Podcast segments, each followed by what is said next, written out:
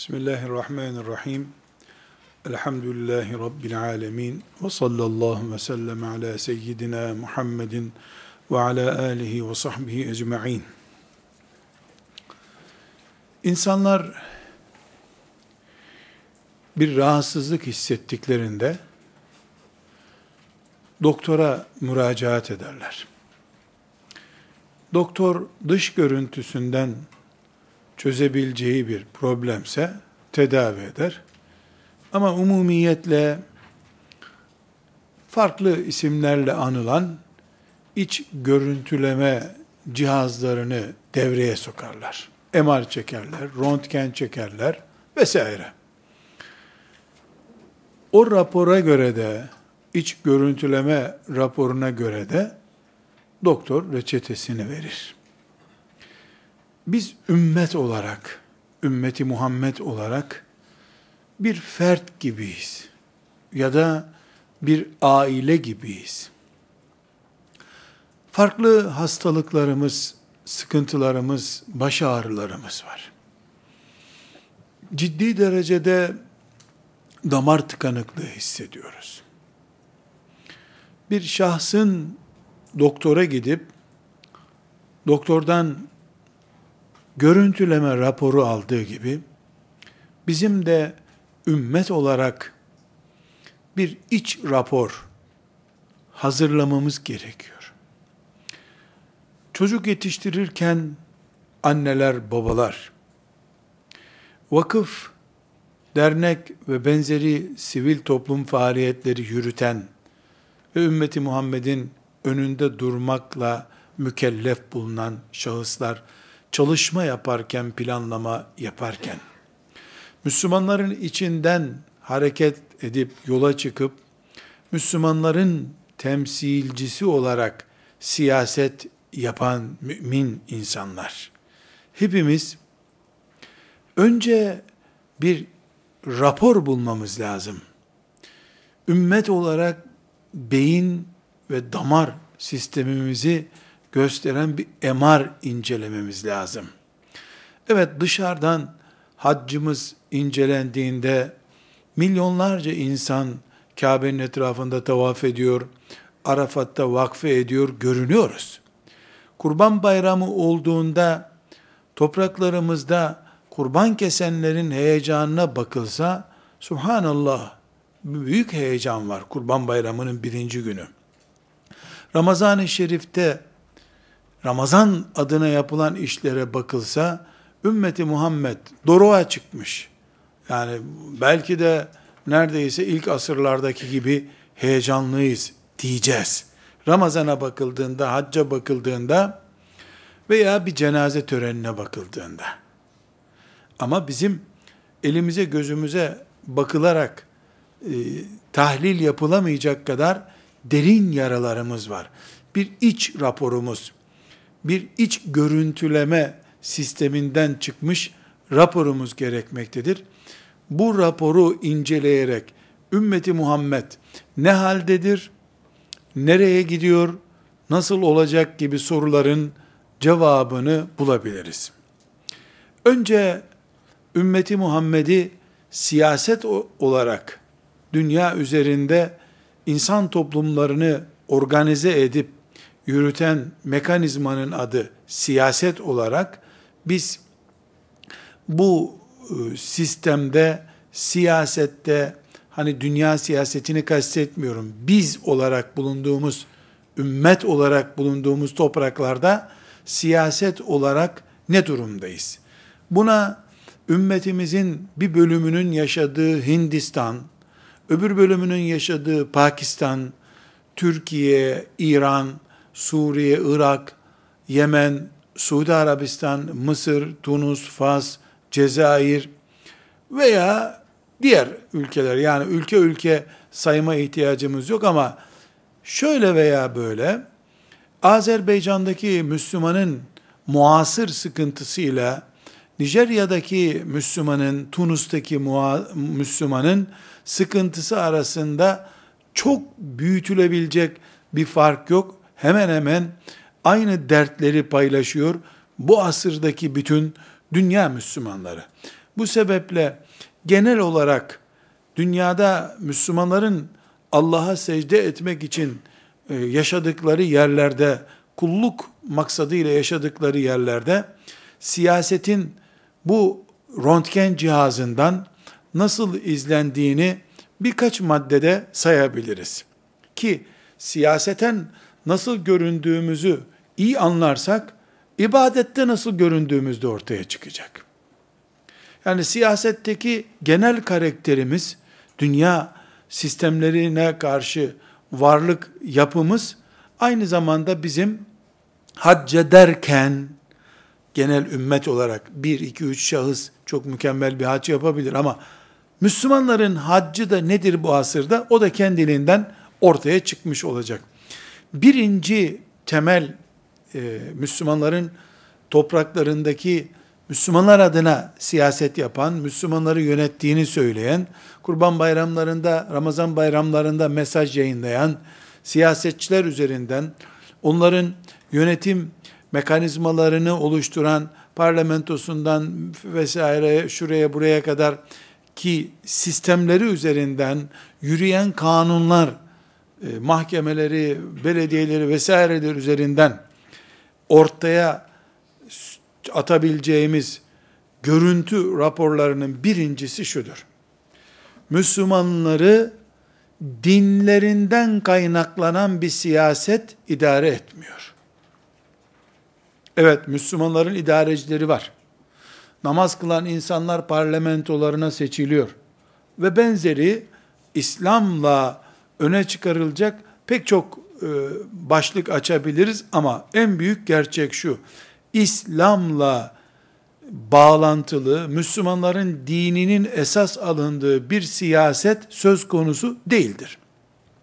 Suudi Arabistan diye isimlendirilen ülkenin bayrağının kelime-i tevhidden oluşması mesela, cihadı temsil eden kılıcın o bayrağın bir parçası olması bir işaret değil mi? Değil. Neden? Neden değil?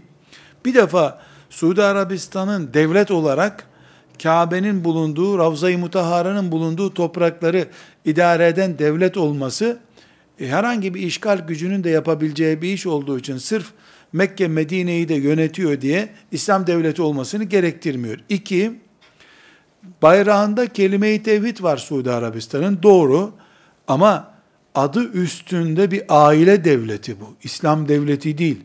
Suudi Arabistan diyoruz. Suud ailesinin devleti. Orada yaşayan 25 milyon insanın 3000-4000 prensin hizmetçisi olarak kabul edildiği bir devlet bu. Bu İslam devleti olamaz. Bir ailenin adıyla anılıyor. Bir aile din değildir.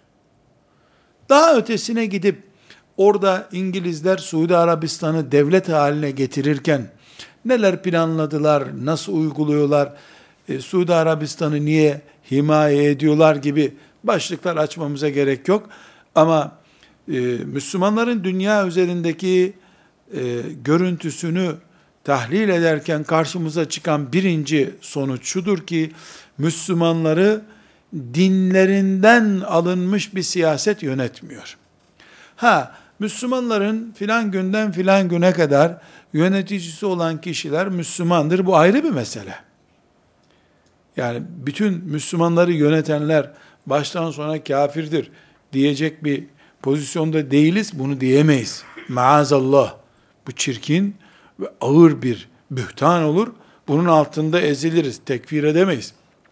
Ama bugün Allah'ın dini, İslam'ın esas alındığı bir sistem, Müslümanları yöneten sistem değildir. İki, bugün Suudi Arabistan gibi güya, güya zengin ülkelerde dahil olmak üzere, Müslümanları yönetenlerin Müslümanlara karşı maddi açıdan bile adil olduklarını söyleyemeyiz. Hani dinimize ait hakkımız, hukukumuz gasp ediliyor. Bari hiç olmasın sosyal insan olarak mesela Avrupa'daki gibi adil bir ortamda yaşasak, eğer Avrupa'da adalet varsa, bu da yok. Hem dinimizi bizden almışlar, siyasetten dinimizi, dinimizi siyasetten koparmışlar. Bunun karşılığında da petrolü kendileri ayran, şerbet gibi içtikleri halde bizim arabamıza petrol koyamıyoruz biz gibi bir adaletsizlik de sergilemişler. Ne din var ne de maddi adalet var. Üçüncü madde olarak Müslümanların yöneticileri arasında bir genelleme yaptığımızda münferit bir iki örneği konuşmamızın gereği yok. Bir genelleme yaptığımızda kürsüsüne tapınan ama aslında siyasete ehil olmayan insanların Müslümanların başında bulunduğunu görüyoruz. Koltuk perest insanlar. Dünya onların koltukta kalması için var adeta. 120 sene yaşasa bir günlüğüne koltuğundan ferahat edemiyor. Edecekse oğlunu bırakıyor. Damadını bırakıyor. Hiçbir şey yapamazsa sarayı yakıyor benden başkasına da kalmasın diye. Yani siyaseti kullanırken siyasete ehil olmadıkları için kendilerinden başkasının o siyaseti yapamayacağına inanan ve hiçbir şekilde koltuğunu başkasına bırakmayan kürsüperest, koltukperest insanlar Müslümanları yönetiyorlar. Ne zamandan beri Müslümanların parçalara bölündüğü ve bir hilafet devleti olmayı kaybettiklerinden beri bu durum böyle.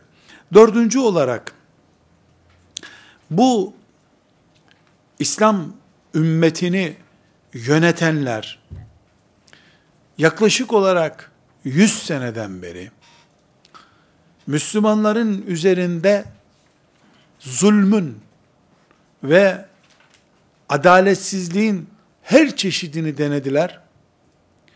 Toplumu ekonomik olarak ayağa kaldıramadılar. Sosyal niteliğiyle ayağa kaldıramadılar. Ziraati bile beceremediler. Dünyanın en mümbit arazileri, yılda 3-4 mahsul veren arazilerinde Müslümanların çocuklarını aç bıraktılar. Din yok, siyaset yok, ziraat yok, ticaret yok, sanat yok. Çıkardıkları üç tane şarkıcı, onları da seçim dedikleri oyunlarda kullanıp milletin gönlünü celbetmek için. Bu kadar seviyesiz insanlar her türlü yanlışı yaptılar ama yaptıkları her yanlışı bir ıslah yapıyoruz. Güzel iş yapıyoruz diye karşımıza çıkardılar. 100 seneden beri yaklaşık 50 İslam devletinde, halkı Müslüman olan devlette her 10 senede bir bir yöneticinin değiştiğini kabul edelim. ihtilallerle vesairelerle binden fazla yönetici ismi var. Hiçbir tanesi bir gün çıkıp ben 5 senedir şunu yanlış yapıyormuşum halkımdan özür diliyorum diyemedi. Mısır firavunları İsrail'in önünde çakıl taşları gibi Mısırlı askerleri perişan ettiler. İsrail bir saatte Mısır'ın dibinden yukarısına kadar vurdu geçti gitti meşhur 67 savaşlarında. Bunu açıklarken Mısır halkına kahramanca bir savaş yaptık ama son roundda şöyle oldu der alay ettiler insanlarla. Mağlubiyetlerini, perişanlıklarını bile bir yiğitlik olarak gösterir. Utanıp, rezil olup e, kenara çekilmek yerine bunun kahramanlık törenlerini yaptılar insanların gözlerine baka baka. Ben Mısır'ı örnek veriyorum. Niye Mısır'ı örnek veriyorum? Şu anda Mısır'a sataşmanın bu topraklarda bir sakıncası yok ondan dolayı. Yoksa vereceğim çok daha fazla örnekler var. Herkesin rahatsız olacağı örnekler de var. Yani en basit e, seviyesizliklerini, beş kuruş etmez projelerini bile bir neslin umudu olarak insanlara sundular. Ama bunların hepsini biz dördüncü başlıkta şurada topluyoruz. Bunları yaparken bile, bu kadar adi işleri yaparken bile basit, e, otellere bile kabul edilmeyecek diplomatlarıyla İsviçre'de, New York'ta, Londra'da yaptıkları görüşmeleri bile büyük kahramanlıklar olarak karşımıza çıkardılar. Bu yıllarca böyle sürdü, hala böyle sürüyor.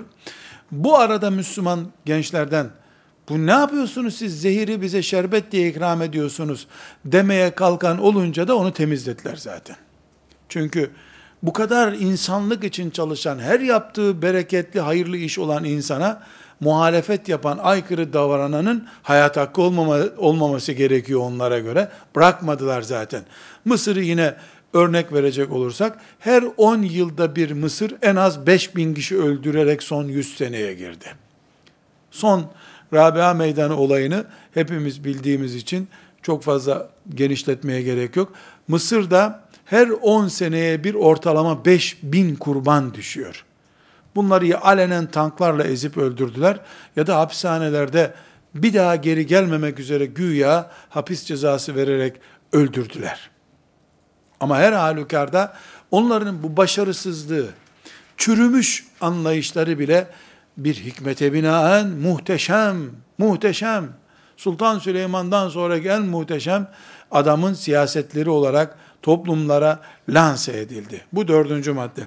Beşinci maddemiz, bu son yüzyılda küfrün ve küfürle beraber ümmeti Muhammed'in üzerinde otorite kurmaya çalışan Müslümanların içinden yetişmiş siyasetçilerin ortak bir görüntüyle ya da ortak bir incelemeyle tahlil edildiklerinde ortaya çıkan beşinci sonuçları da şudur. Artık İslam'ı kendi inançları veya uydurdukları yalanları ile boyayarak bulanık bir İslam üretmeye çalışmışlardır. Ve bu bulanık İslam projesi de ne yazık ki maya tutar gibi olmuştur. Allah'ın dinine elbette ve elbette hiçbir e, tağut, hiçbir sistem e, son şekli veremeyecek. Allah son şeklini verdi. İslam bellidir, kıyamete kadar kalacaktır Kur'an ile beraber ama şehitlik mefhumuyla oynadılar. Cihat mefhumuyla oynadılar. Sadaka mefhumuyla oynadılar. İslam ibadet mefhumuyla oynadılar. Kadınla oynadılar. Aileyle oynadılar. Devlet mefhumuyla oynadılar her şeyin başı olan halifeyi kaldırdılar. 100 sene sonra halifeyi bir konferansta bile konuşmaya gerek kalmayacak kadar köşede bucakta kalmış bir konu haline getirdiler. Bütün bunlar kafirlerin e, renklerini vermeye çalıştıkları bir İslam modeli, bir İslam projesi olarak uygulandı. Şimdi görünen tablo İslam'ın bu beşinci maddede özetlediğimiz İslam'ın zararsız İslam onların literatürüyle. Sorun üretmez İslam. Kanatları koparılmış, tüyleri yolunmuş kaza benzeyen bir İslam üretmeye çalışıyorlar. Bunda ne kadar başarılı olduklarının yüzdesini veremeyiz. Ama mesela Cidde sokaklarında Mekke'ye çok yakın bir yer olduğu için Cidde sokaklarında, Sana'da, Yemen'de, Pakistan'da, Hindistan'da Müslümanlar, Avrupa'da yaşayan Müslümanlar, Türkiye'de, İstanbul'da yaşayan Müslümanlar, gençler üzerinden, onların aileleri üzerinden, iş yerleri üzerinden, faize bulanmış e, insanlar üzerinden bir inceleme yapıldığında, ortaya çıkan rakamlar ürkütücüdür. Sanki hiç İslam kalmamış gibi bir görüntü olabilir. Bir hastanenin mesela İstanbul 20 milyondan fazla büyük bir şehir. Herhangi bir devlet hastanesinin ameliyathanesine gitseniz ortalama günde 30-40 ameliyat yapılıyordur orada. Sabahtan akşama kadar orada ameliyata giren çıkanları izleseniz Ondan sonra akşam hayat nasıl İstanbul'da diye sorulsa o izleyene ne diyecektir? Hayat diye bir şey yok. Herkesi kesiyorlar. Herkesi kesiyorlar. Kesilmemiş adam yok. Çünkü o akşama kadar 40 kişi gördü. 40'ı da kesilip çıktı ameliyathaneden. Ameliyathanenin önünde rapor tutan için hayat bitmiştir zaten. Herkes kesilmiş, kolu bacağı kesilmiş gibi. Bir mezbahanede koyunların son durumuyla diye tahlil yapılsa %99'u gitti, insanlığın koyunu kalmadı artık demek zorundasın. Dolayısıyla sokaklardan, e, medya görüntülerinden, sosyal medya bataklığından, e, ümmeti Muhammed'in son durumuna bakıldığında sosyal medyadan mesela ümmeti Muhammed'i incelesen ümmette kalmamış Muhammed'in izinden de bir eser kalmamış gibi aleyhissalatü vesselam bir rapor çıkarılabilir. Ama 100 sene önce dünyadaki Müslüman sayısı İslam'ın yaşanılırlık oranı, hacca rağbet, hacca bağlılık, Allah'ın kitabını kavrama üzerine çalışma, kadınıyla erkeğiyle ümmetin şeriat beklentisi, hatta ve hatta sarıklı tefsir yazmış adamların Abdülhamid'in önüne hal' edildin, yallah yallah diye Abdülhamid'i hilafetten almış adamların hesabıyla bugünkü gençlerin ümmeti Muhammed'in kitabına, akidesine, şeriatına, Peygamber aleyhisselamın sünnetine saldırı, e, sarılmaları bakımından baktığında, bugün bütün bu çirkin görüntülere rağmen, şu siyasetteki beş noktaya rağmen, şu siyasetteki beş noktaya rağmen, ümmeti Muhammed Allah'ın izniyle hala revaçtadır. Hala insanlığın göz bebeğidir İnsanlığın göz bebeği olduğu için de elinde çomak bulunan herkes ümmeti Muhammed'e dayanmaktadır. Küfür bunun için birleşmiştir. Bu sebeple biz bu vahşi tabloyu, siyasette gelinen bu tabloyu tahlil ederken bu acı hakikati söylüyoruz ama bu acı hakikat ümmetin hala büyüme trendinde olmasından kaynaklanıyor. Ümmet hala büyüyor büyüdüğü için ümmeti Muhammed sonunda bu bomba ile imha edilemez, silahla imha edilemez kimliğinden dolayı ümmeti Muhammed bu sefer içinden çürütülme sürecine çekilmek istenmektedir. Bu ümmetimizin mevcut muasır durumunu şöyle bir tahlil edelim dediğimizde karşımıza çıkan tablodur. Şimdi değerli kardeşlerim bir hakikati bu derslerde yoğun bir şekilde vurgulamaya çalışıyorum. Diyoruz ki biz ümmeti Muhammediz aleyhissalatü vesselam. Biz Adem aleyhisselamdan beri gelen bütün enbiyanın çatısı olan bir peygamberin ümmetiyiz. Biz bir dağda 75 sene 80 sene namaz kılan adamların dini İsrail oğullarının dini değiliz. Alemi avucunun içinde görmek isteyen bir peygamberin ümmetiyiz. Elbette elbette bizim kesinlikle farkımız olacak. Kesinlikle farkımız olacak. Bu farkı hep biz Peygamber Efendimiz sallallahu aleyhi ve sellemin şefaati üzerinden yorumlarız. Hani Ramazan-ı Şerif gecelerinde, Mevlüt kandillerinde, camilerde anlatılıyor ya, işte Adem Aleyhisselam'a gel şefaat et bize denecek de Adem Aleyhisselam ben zaten kabahatliyim diyecek. İşte Nuh Aleyhisselam'a gidecekler, İbrahim Aleyhisselam'a gidecekler, gidecekler. Siz Muhammed'i bulun Aleyhisselatü Vesselam. Muhammed'i bulun diyecekler sonunda. El hak böyle. Sahih hadis-i şerif bu. Muhammed Aleyhisselam, Peygamber Efendimizin büyüklüğünü hep bununla tartıyoruz. İki, Peygamber Efendimiz miraca çıktı, öbürleri çıkmadı. Onunla tanıyoruz. Üç, Peygamber Efendimiz sallallahu aleyhi ve sellemin elindeki kitap, Kur'an, bütün kitapların büyüğüdür. Onunla övünüyoruz.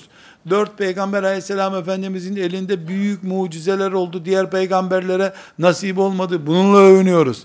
Peygamber Efendimiz Aleyhisselatü Vesselam'ın Mekke'si var, Kudüs'ü var, Medine'si var. Yani şehirler onun mübarek nuruyla nurlanıyor. Bununla hep övünüyoruz. Bunların hepsi doğru ama. Hakikat böyle. Fakat insafsızlık yapılan büyük bir boyut var. Bugün bunu gençler elhamdülillah çok fazla okumuşlardan daha iyi anlıyorlar Allah'a hamdolsun. Filistinli gençler herkesten iyi anlıyor bunu. Elhamdülillah. Nedir bu biliyor musunuz?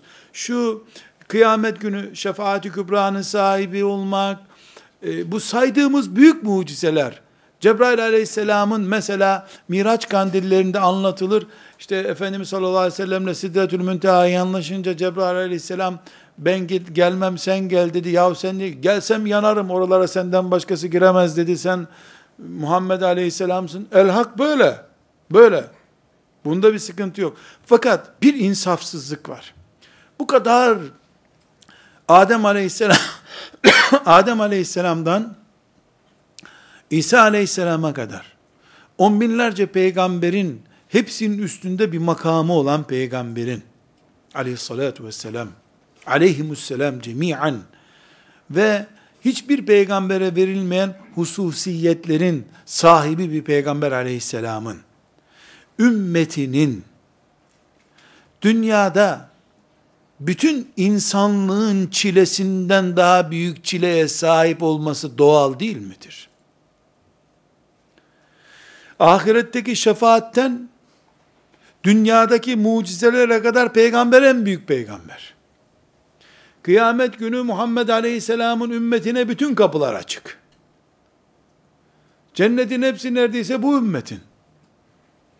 Bu ümmetin alimleri İsrailoğullarının peygamberi gibi neredeyse. Böyle böyle lanse ediliyor. El hak böyle. Peki bu ümmetin bu kadar büyüklüğünün bir faturası yok mu? Adem Aleyhisselam'dan beri gelen bütün peygamberlerin bile şefaatini arzu edeceği bir peygamberin ümmeti çileye gelince, çalışmaya gelince neden Adem Aleyhisselam'dan beri birikmiş bütün insanlık sorunlarının hamalı olmasın? Bu mantığı yakaladığımız zaman Suriye'de ne olduğunu anlarız. Niye bütün dünya Suriye'yi bombalamak için ittifak ediyor? Neden Irak'ı son insan ölmeden bombalamaya devam edelim, son insan da gitsin oradan diye çırpınıyorlar? Neden bizim topraklarımızda Türkiye'de İslam şöyle bir secdeye kapanacakken hemen çullanıyorlar? Neden mesele sadece petrol meselesi değil? Bu soruların hepsinin cevabı var. Nedir bunların hepsinin cevabı? Çünkü sen ümmeti Muhammed'sin. Sen Muhammedun Resulullah diyorsun. Senin Muhammed'in aleyhissalatü vesselam babası İbrahim'in bile, dedesi İbrahim'in bile, babası Adem'in bile gidin Muhammed'den şefaat isteyin diyeceği birisi. O büyük makamın büyük faturası olması da tabiidir. Biz bunu kardeşler Bukhari'nin rivayet ettiği bir hadisi şerifte çok açık seçik görüyoruz. Bu hadis-i şerifi de bu açıdan ele alalım. Efendimiz sallallahu aleyhi ve sellemin cümlesine çok dikkat edin. Bakın şimdi ne diyor? Nebiyyü yub'asu ila kavmihi khassaten ve bu'istu ilen nasi ammeten. Benden önce peygamber kabilesine, kendi köyüne gönderilirdi. Ben insanların tamamına gönderildim. Benim peygamberim bütün insanların peygamberi. Onun çilesi Adem Aleyhisselam'dan son insana kadar bütün insanlığın çilesidir. Ümmetinden bir hoca efendi, ümmetinden bir siyasetçi, ümmetinden bir hacı amca, ümmetinden bir genç, ümmetinden bir hafız efendi, ümmetinden bir ilim adamı, ümmetinden bir cami imamı, bütün insanlığın peygamberinin ümmetinden biri olarak mahallesindeki namaz kıldırdığı Müslümanlarla yetinen birisi olur da onun ümmetinden olur mu sonra?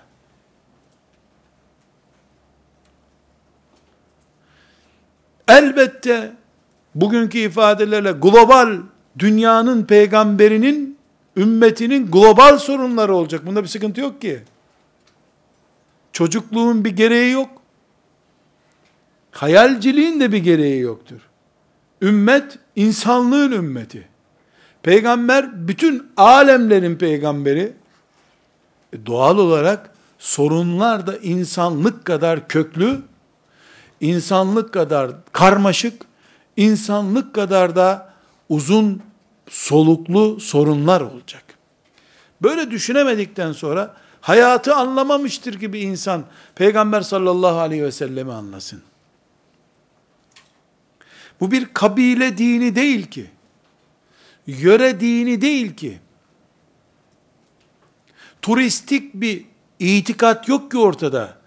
Yani nasıl olsa insanlar e, kış mevsiminde turizm bölgesini terk ederler bize rahatlık ediyor. Hayır bütün insanlık bu ümmetin bağrındadır.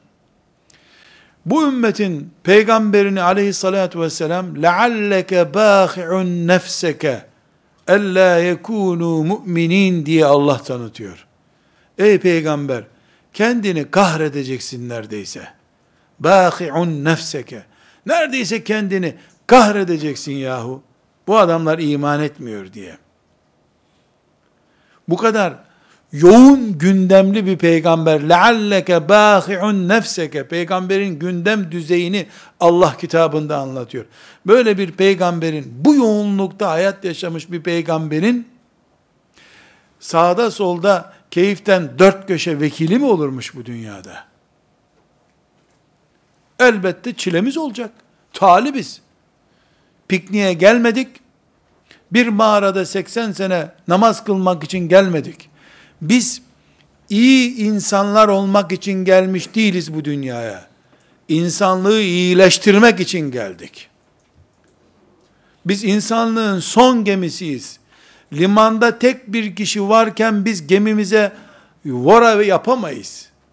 Haydi yola çıkalım diyemeyiz. Son insanı da kurtarmak zorunda olduğumuza iman ederiz. Biz ümmeti Muhammediz çünkü sallallahu aleyhi ve sellem. Arapların peygamberi değil ki, insanlığın peygamberi. Afrikalıların peygamberi değil ki, kainatın peygamberi. Burada düzeltmemiz gereken çok büyük bir nokta var kardeşlerim. Biz bütün zamanların ve mekanların peygamberinin ümmetiyiz. Bütün zamanlar gönderildiği günden son insanın son saatine kadar benim peygamberim sallallahu aleyhi ve sellem insanlığın peygamberidir. Dolayısıyla insanlığın bütün zamanlarını ve dünyanın her yerinde ve dünyanın dışında yaşam varsa oralardaki her yerin peygamberinin yükü lealleke bâhi'un nefseke kendini kahretmeyi zorunlu hale neredeyse getirecek kadar ağır bir yüktür. Bir küçük risale yazarak veyahut da bir konferans vererek veya işte filan yerde bir yağmur duasına çıkarak veya filan yerde bir ay cihad ederek, kılıç kullanarak bitecek bir sorun değil ki bu. İslamiyeti üç tane kitap okuyarak veyahut da filan yerde bir kamp yaparak veya filan bilim dalında, tefsirde, hadiste bir bilim dalında uzmanlaşacak kadar derinleşerek sorunlarını bitireceğini zannedenler, bir vakıf kurarak, bir dernek kurarak artık süt liman her şeyin dümdüz olacağını zannedenler, her şeyden önce peygamberlerinin davasını anlamamışlardır. Bütün zamanlar ve bütün bütün mekanlar bu ümmetin projesine dahildir. Afrika'da açlık sorunu varsa bu ümmet oraya gidiyor ya zaten. Sorun olarak bir de açlık sorunu karşısına çıkacak demektir. Bu ümmet Kafkasyalara ve Kuzey Kutbu'na ulaşmak zorunda. Muhammed Aleyhisselam'ın davası oraya gitmek zorundadır. Dolayısıyla orada yaşayan, buzul bir hayat yaşayan insanların sorunları bu ümmetin sorunudur. Bu ümmet kainat ümmetidir. Brezilya'da biz kahve üreticisi değiliz ki. Brezilya'da mısır yetiştirip insanlara mısır yağı mı üretiyoruz biz? Biz insanlıkız. Dolayısıyla insanlığın, insanlığın bir ırkçılık sorunu varsa ümmeti Muhammed'in ırkçılık diye bir derdi var. Irkçılar çıksın bu İslam'dan diyemezsin. İnsanlığın genlerinde olan bir sorun bu. İnsanlığın cinsellik diye bir sorunu varsa, insanlık Lut aleyhisselam zamanında bir hastalığa bulaştıysa, insanlık genetik filan hastalık diye bir sorunla uğraşıyorsa, Bu ümmet onları bağrında taşıyor demektir. Çünkü bu ümmet hiç kimseyi dışına atmayan, bütün La ilahe illallah Muhammedur Resulullah diyen herkesi bağrına sokan bir ümmettir. Dolayısıyla dert yumağıdır bu ümmet. Ama seçmece karpuz seçer gibi vakıf kurup, dernek kurup, siyasi bir parti kurup, sorunları dışarı atıp sorunsuzlarla bir arada yaşadın mı, kendini de böylece ümmetin en iyi adamları diye aldattın mı sorun kalmaz tabi.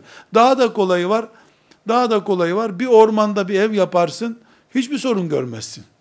Haberleri de izlemezsin, tertemiz olur dünya. Daha kolay olur o zaman. Biz ümmeti Muhammediz. Bütün zamanlar ve mekanlar bu ümmetin proje kapsamındadır. Dolayısıyla bu ümmet insanlığın en hayırlısı, Allah'ın gönderdiği en son kurtarıcı gemisi olduğuna göre hiçbir insan, hiçbir sorun bu ümmetin dışında olmaz. Hangi kötülük, hangi cinayet çeşidi biliniyorsa bizim topraklarımızda olur. Neden? Biz bir ümmetiz, insanlıkız. Bu ne zaman düzelecek? Dünyada insanın ömrü bitince biiznillah böyle bir sorun kalmayacak. Her şey dümdüz o zaman. Ama hayat devam ettikçe bu mücadelede devam edecek demektir. Buradan biz tekrar dersin başında çekmeye çalıştığımız iç görüntümüze ait rapora dönelim. Biz ümmeti Muhammediz. Bazı hedeflerimiz var. Bu hedefleri bu yaşadığımız çağa göre yeniledik. Yenilememiz gerekiyordu. Harun Reşit denen Abbasi halifesinin Bağdat'ta saltanat sürdüğü zamanda ümmeti Muhammed'in gündemi başkaydı. Başka olması gerekiyordu. Ömer bin Abdülaziz'in hilafette olduğu zamanda da ümmeti Muhammed'in gündeminin daha başka olması gerekiyordu. Bundan 250 sene önce İslam devletinin Osmanlı diye bir isminin bulunduğu zamanda da Müslümanların başka bir gündemi vardı. Bugün ümmeti Muhammed'in beş büyük gündemi vardır. Elbette namaz, elbette tesettür, elbette Kur'an ezberlemek, okumak, elbette Allah'ın şeriatının filan hükmünün özellikle gündeme getirilmesi, zenginlerin mallarının zekatının verilmesi, fındık üreten, arpa üreten ziraat erbabının zekatını vermesi, elbette bunlar Allahu Teala'nın emirleri olarak muhakkak uygulanması gerekiyor. Bireysel olarak da uygulanıyordur. Yüz çiftçiden iki tanesi zekatı veriyordur. Biiznillah bu e, iki çiftçi ümmeti Muhammed'in içinde zekat mefhumunun unutulmasını da engelliyorlardır. Ama bir de bizim ümmet olarak bir bütün gördüğümüzde çok büyük beş hedefimiz var. Bu beş hedefin e, önümüzde çalışma takvimimizi oluşturması gerekiyor. Bir Müslüman birey olarak bu beş hedeften hiçbirini yerine getiremeyebilir. Ama Rabbimiz bizim yaptıklarımızdan çok yapmak için uğraştıklarımızla görmek istiyor. Yani ben neler yapmak istiyorum? Çalışma planım nedir? Ne yapabildim? Ayrı bir konu. Yapıp yapamadığımı, yapamadıklarımda ne kadar mazur olduğumu, ne kadar uygun bir gerekçeye dayalı olarak yapamadığımı Allah görüyor zaten. Ama her halükarda biz ümmeti Muhammed olarak bu asırda beş büyük projenin üzerinde çalışıyoruz. Kurduğumuz bir vakıf bu beş büyük projeye bir yerden hizmet için kurulu olmalıdır. Kurduğumuz cami, medrese neyse bu beş büyük projeden biri veya hepsinin ya da ikisinin, üçünün bir yerden boşluğunu dolduruyor olmalıdır. Birinci büyük hedefimiz insanlığın hidayetidir. Çünkü biz ümmeti Muhammediz. Elimize tesbihimizi alıp, seccademizi alıp bir piknikte akşama kadar namaz kılamayız.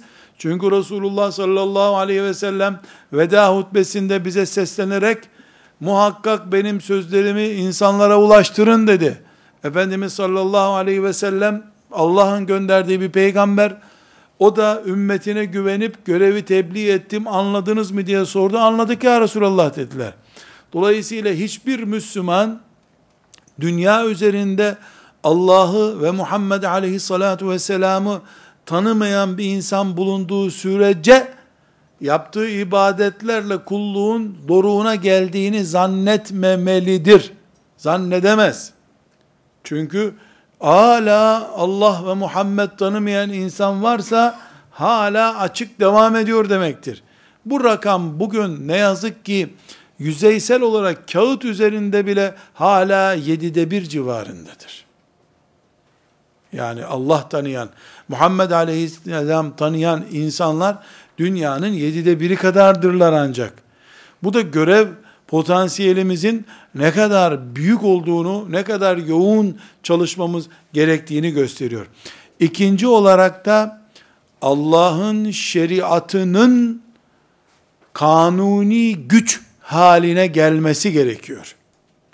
Bu e, dünyanın Müslümanların yaşadığı yerleri de dahil henüz tahakkuk etmemiş ya da yüz yıldan beri sümen altı yapılmış diyelim bir durumdur.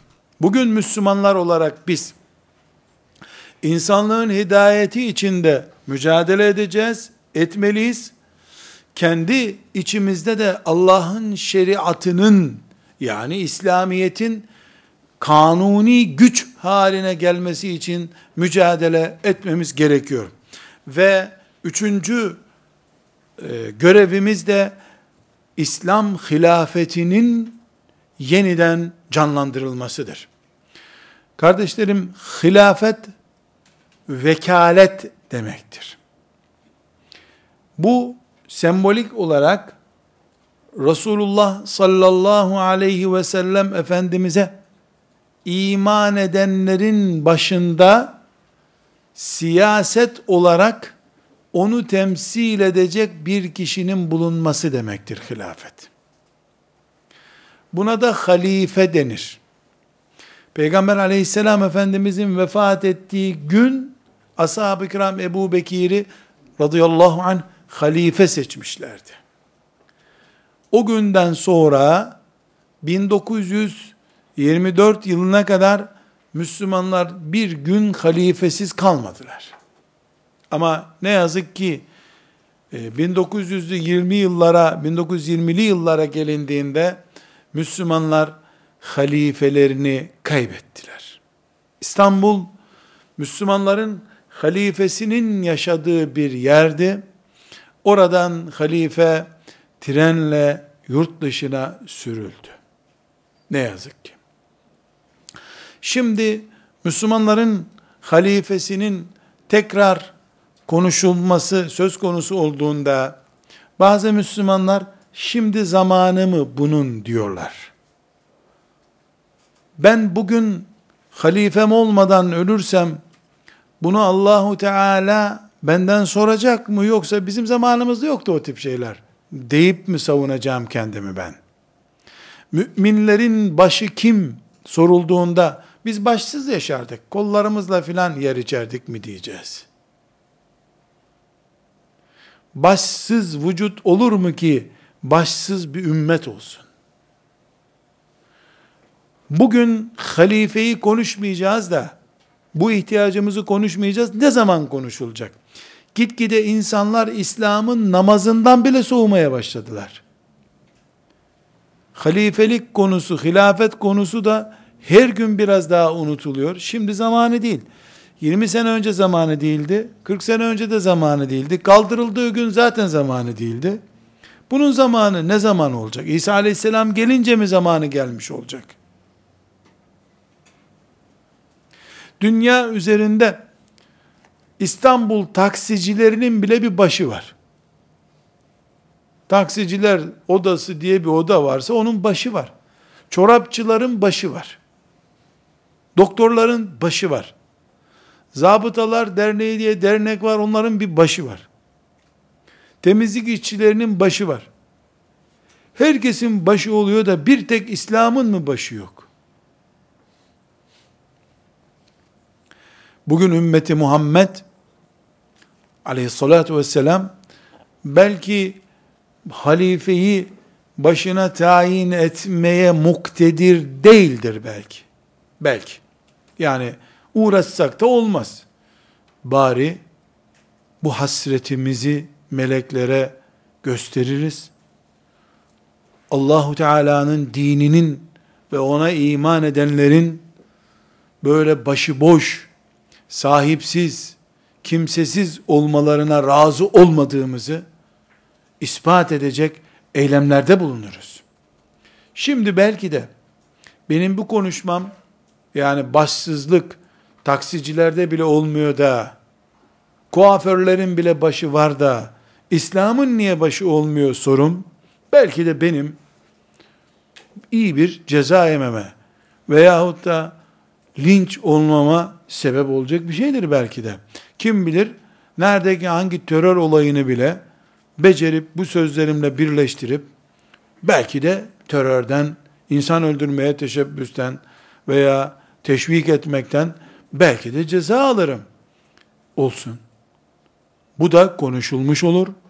Göklere kadar melekler bunun tutanaklarını tutsunlar. Nesiller böyle bir şey unutulmuştu filan aslında demesinler. Bir dahaki kuşakta bunu insanlık hakkı olarak kuaförlerin başı oluyor da Kabe'ye iman edenlerin, namaz kılanların başı niye olmuyor diye haykırarak sormaya cesaret etsin. Dünkü hoca efendiler meşhur 163. madde diye bir madde vardı ceza kanununda. Kazara sesli olarak sesi bile çıkaramazlardı. Hilafet hasına benziyor diye. Çünkü 163. maddenin özü şuydu. Senin konuşmaların İslam devleti kurmayı hayal ettiğini gösteriyor. Beş sene. Böyle bir şey söylemen gerekmiyor. İçinden bu geçtiğini anladı hakim. Beş sene ceza yiyorsun. Böyleydi bu yasa. Böyle uygulandı. Yüzlerce ilim adamımız, alimimiz ve fikir adamlarımız Allah yaşayanlarına afiyet versin, ölenlerine rahmet eylesin. Bu suçtan hapishanelerde çürüdüler, mahkemelerde süründüler. Ama biz böyle bir davamız olduğunu onların çektiği işkenceden anladık. Onlar kenara çekilselerdi ben bu ne ne demektir diye bir derdim bile olmayacaktı. Kimse yeni yazdığı kitapta da bunu konuşmuyor. Konferansında da konuşmuyor. Bir tane iki tane yiğit mümin hayatı pahasına, vatandaşlıktan kovulma pahasına bunu yazdı, konuştu, fedakarlık yaptı. Allah onlardan razı olsun. Bunların başında da Kadir Mısıroğlu üstadımız geliyor. Vatandaşlıktan kovuldu bu iş için. Yıllarca bu ülkenin vatandaşı olmadan o ülkeden bu ülkeye muhacir bir mümin olarak gitmek zorunda kaldı. Ama Allah ondan razı olsun ve onun gibi çalışan ağabeylerimizden razı olsun. Bugün biz böyle bir davamız var diye biliyoruz. Biraz daha e, rahat bunu konuşuyoruz.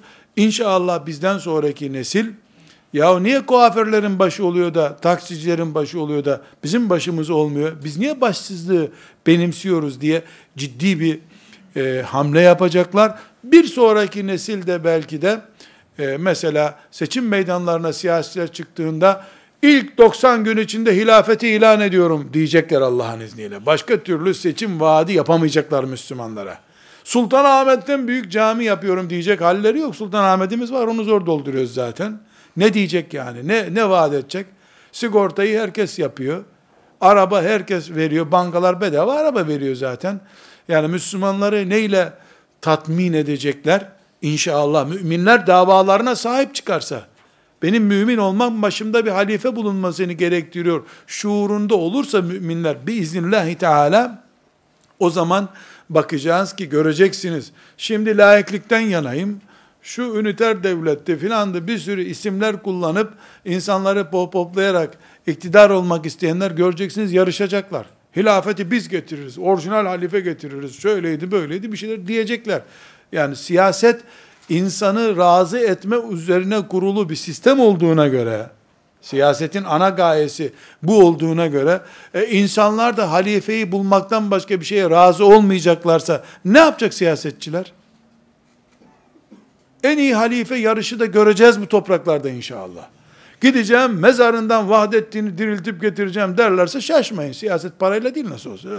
Vahdettin'i mezarından bile dirilteceğiz diye iddia edebilirler. Onun genetiğinden bir kişi bulup getireceğiz der. Diyecek, denecek, yeryüzü buna mahkumdur. Ne gelişen teknolojisi, ne bütün şiddetiyle, lanetliyle birleşmiş küfür asla ve kata bunu engelleyemeyecektir.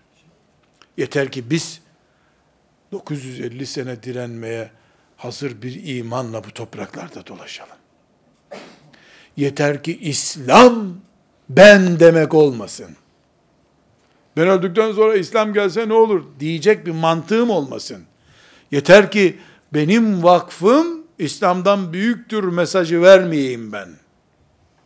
Yeter ki ben dua ederken inşallah bizim hoca efendi şehit olur. İnşallah ilk şehit bizim şeyh olur diye dua edebileyim seven biri olarak onu. Gençleri şehadete gönderip kendisi evinde onlara dua eden biri değil. Gençler durun bakalım. Bu, bu yaşta önce biz bir şehadete gidelim siz sonra diyecek şeyhlerimizin, hoca efendilerimizin, alimlerimizin olduğu gün hilafeti bize küfür eliyle getirir. Lozan'da hilafeti kaldırırsanız askerlerimizi oradan çekeriz diyen adamlar hilafeti biz getiriyoruz maaşını da biz verelim de derler Allah dilediğinde facire de bu dinini hizmet ettirir. Hiç merak etmeyelim biz. E, biz ar, arz edeceğiz, e, talep edeceğiz, ortada bir piyasa oluşacak. Yani hiçbir şekilde bizim böyle bir arzımız yani halifemi istiyorum, ümmetimi başı olan bir ümmet olarak istiyorum deme kapasitemiz yoksa e, niye Allahu Teala halife versin ki bize? Zaten kaybettiğimiz zaman bu halifeyi de Müslümanlar çok da ona muhtaç değillerdi hissediyorlardı. Koca koca sarıklı adamlar, koca koca büyük büyük düşünen adamlar meşrutiyet istiyorum diye, şunu istiyorum Fransa'daki yapıyı istiyorum diye Abdülhamid'in karşısına dikildikleri zaman halifeyi Allah alsın demek istiyorlardı aslında. Bunu anladılar anlamadılar ayrı bir mesele ama sonra ne matemler tuttular bu hatalarından dolayı. Ne ağlamalar sızlamalar yaptılar. İstedikleri şey İslam'ın köklerini kazıyan bir düşman tarafından getirildi. Getirilince de İslam imha edilme sürecine sokuldu zannettiler. Biiznillahü Teala tabi Allah'ın murad etmediğini onlar nereden yapacaklar? Her halükarda bu ümmet proje ümmetidir. Bizim dönemimizin projesi de filan yerde baraj yapılmış, o bitti. Ondan sonra o barajın kenarında filanca fabrikayı kurmak gerekiyordur. Bu ümmetin 1400 senedir bir yığın projeleri oldu. İslam'ı Güney kutbundan kuzey kutbuna kadar taşımaya çalıştı. Bu zamanda insanlığın hidayeti birinci büyük projemizdir. Yeni nesiller yoğun bir şekilde İslam'dan uzak ve mahrum olarak yaşıyor. İkinci olarak Allah'ın şeriatının kanuni güç haline geliyor olması lazım. Üçüncü olarak da halifemiz olmadığı sürece biz Suriye'de birbirimizle dövüşürüz. Haçta birbirimizi ezeriz veyahut da filan yerdeki trafik kazasında 20 kişi ölür, hiç kıymeti yokmuş gibi cenazeleri bir kamyona doldurulup götürülür. Çünkü Müslümanlar sorgulayanı yok, hesap edeni yok. Aa, halifemiz olursa bir kişinin ayağına diken battığı zaman veya bir keçi Irak'ta, bir keçi Irak'ta yürüyecek yol bulamadığı için düşüp kayadan öldüğü zaman ben ne edeceğim kıyamet günü diyen Ömer'imiz olur o zaman Allah'ın izniyle. E bu bu bir ihtiyaç meselesi, ihtiyacı hissetme meselesi. Acıktığını anlamayan birine ne yedirebilirsin ki? Ümmetimizin bu halde neden olduğunu düşünme kudretimiz olmadığı sürece de halifemiz olmayacak demektir. Dördüncü olarak bu ümmetin bu asırdaki büyük projelerinden bir tanesi de yeryüzünde mümin olsun veya olmasın insan olarak zayıf durumda bulunanlara yardım etmektir. Bu zayıflık, açlık zafiyeti olabilir. Siyasi işkence zafiyeti olabilir. Kabile ağasının tasallutu altında ezilmişliği olabilir. Bengaldeş'teki mümin kardeşlerimizde olduğu gibi yöresel olarak e, coğrafi yapı olarak sürekli sel gördüğü için bir türlü huzurlu bir barakada oturamayacak. Mesela coğrafi bir sıkıntı olabilir. Nasıl olursa olsun Kur'an-ı Kerim'in mustazaf dediği, mustazaf kadro, yani zayıf, çaresiz kalmış, Allah'tan başka yardım edecek kimsesi kalmamış insanlar, Allah'tan başka sığınacak kimsesi bulunmayan insanlar, Allah'a iman eden müminler olarak bizim sorumluluğumuzdadır deriz. Biz bütün mustasaflara, zavallılara yardım etmeyi mümin olmamızın, bu ümmetten biri olmamızın gereği görürüz. Bunu da insanlık adına filan yapmayız. Bunu da işte herkes böyle yapıyor, bu çağ böyledir diye yapmayız. Bunu Allah'ın kulları olduğumuz için yaparız. Biz Allah'ın kuluyuz. Bu Allah'ın bize emanetidir. Allah kendisinden yardım isteyen kullarına yardım için bizi görevlendirdi deriz. Ya Rab diye açılan ellerin karşısında biz oluruz. Ben o senin Allah'ım diye çağırdığın Rabbini temsilen geldim sana. Mustazaf, ey çaresiz mümin, ey açlık çeken, sıkıntı çeken, eziyet çeken, kabilesinin horladığı adam, Ey topraklarında bir türlü ektiği mahsulü sellerden, fırtınalardan, depremlerden dolayı bir türlü mahsulünü alıp deposuna götüremeyen her sene bir selle, fakirlikle boğuşan Bengaldeş'teki mümin kardeşim, ben Allah'ın kuluyum, ben sağken benim cebimde harçlığım varken, mutfağımda yemek pişerken sen kahır çekmeyeceksin der gideriz. Bu, bu ümmetin, bu asırdaki biiznillahü teala yerine getireceği dördüncü büyük projesidir. Beşinci projemiz de hepimizin tahmin edeceği gibi kıyamete kadar cihadın devam edeceği. Dolayısıyla kıyamete kadar küfrün gözünün hiç geri gelmeyeceği yegane yer olan Mescid-i Aksa'yı kurtarmaktır. Hadis-i şerif ne diyor? Cihat her yerden bitebilir, kıyamete kadar Mescid-i Aksa'nın etrafından bitmeyecek buyuruyor. Demek ki hiç kimse Yahudilerin bir gün bıktık buralardan deyip gideceğini beklemeyecek. Kıyamete kadar Yahudisi gider, Siyonisti gelir. Siyonisti gider, Buda, Budası gelir. Bilmem o gider. Lakin Mescid-i Aksa bizim iman nabzımızın arttığı, tansiyonumuzun hareketlendiği yerdir. Bu sebeple bu ümmet çocuk yetiştirirken, düğün yaparken, cenazede iken, okul kurarken, cami kurarken, siyasi planlamalar ve çalışmalar yaparken, beş büyük görevden birinde hisse arayacak ya kendisine, bunlardan bir tanesi de bu ümmetten olduğun sürece, Resulullah sallallahu aleyhi ve sellemin ilk miraçgahı ve ilk kıblemizin elimizde olması için mücadele edeceğiz demektir. Bu nasıl yapılacaksa, her zamanda, her mekanda şu veya bu şekilde yapılacak. Nasıl yapılacaksa o şekilde biz bu görevi ya yapacağız ya da bunun hesabıyla Rabbimizin huzuruna çıkacağız. Tekrar özetleyecek olursam, müminsek biz, ümmeti Muhammedsek, Kafkasya'da bir kişi hala İslam'ı tanımıyor, bir kişi hala putperest, bir kişi Çin'de hala yılan yiyor, köpek yiyor, Allah tanımıyor, ateisttir. Burada iftar programı yapamayız biz. Ümmeti Muhammedsek, şeriatımız ne güç, hangi güce sahip diye soracağız. Ümmeti Muhammed sen Muhammed Aleyhisselam'ın vekili kim diye soracağız. Ümmeti Muhammed sen yeryüzünde kahır çekenlerin kahrına karşı hazırlığın nedir diye sorulacak. Ümmeti Muhammed sen peygamberinin Mescid-i Aksa'sı nerede şimdi? diye soru soracağız. Bu beş büyük misyonumuz bu çağdaki görevlerimizden oluşuyor. Bunlara karşı neden büyük bir e, hamle yapamıyoruz? Neden bunları hakkıyla tefekkür edemiyoruz? Bunun üzerinde de inşallah ikinci dersimizde duracağız. Ve sallallahu ve sellem ala seyyidina Muhammedin ve ala alihi ve sahbihi ecma'in velhamdülillahi rabbil alemin.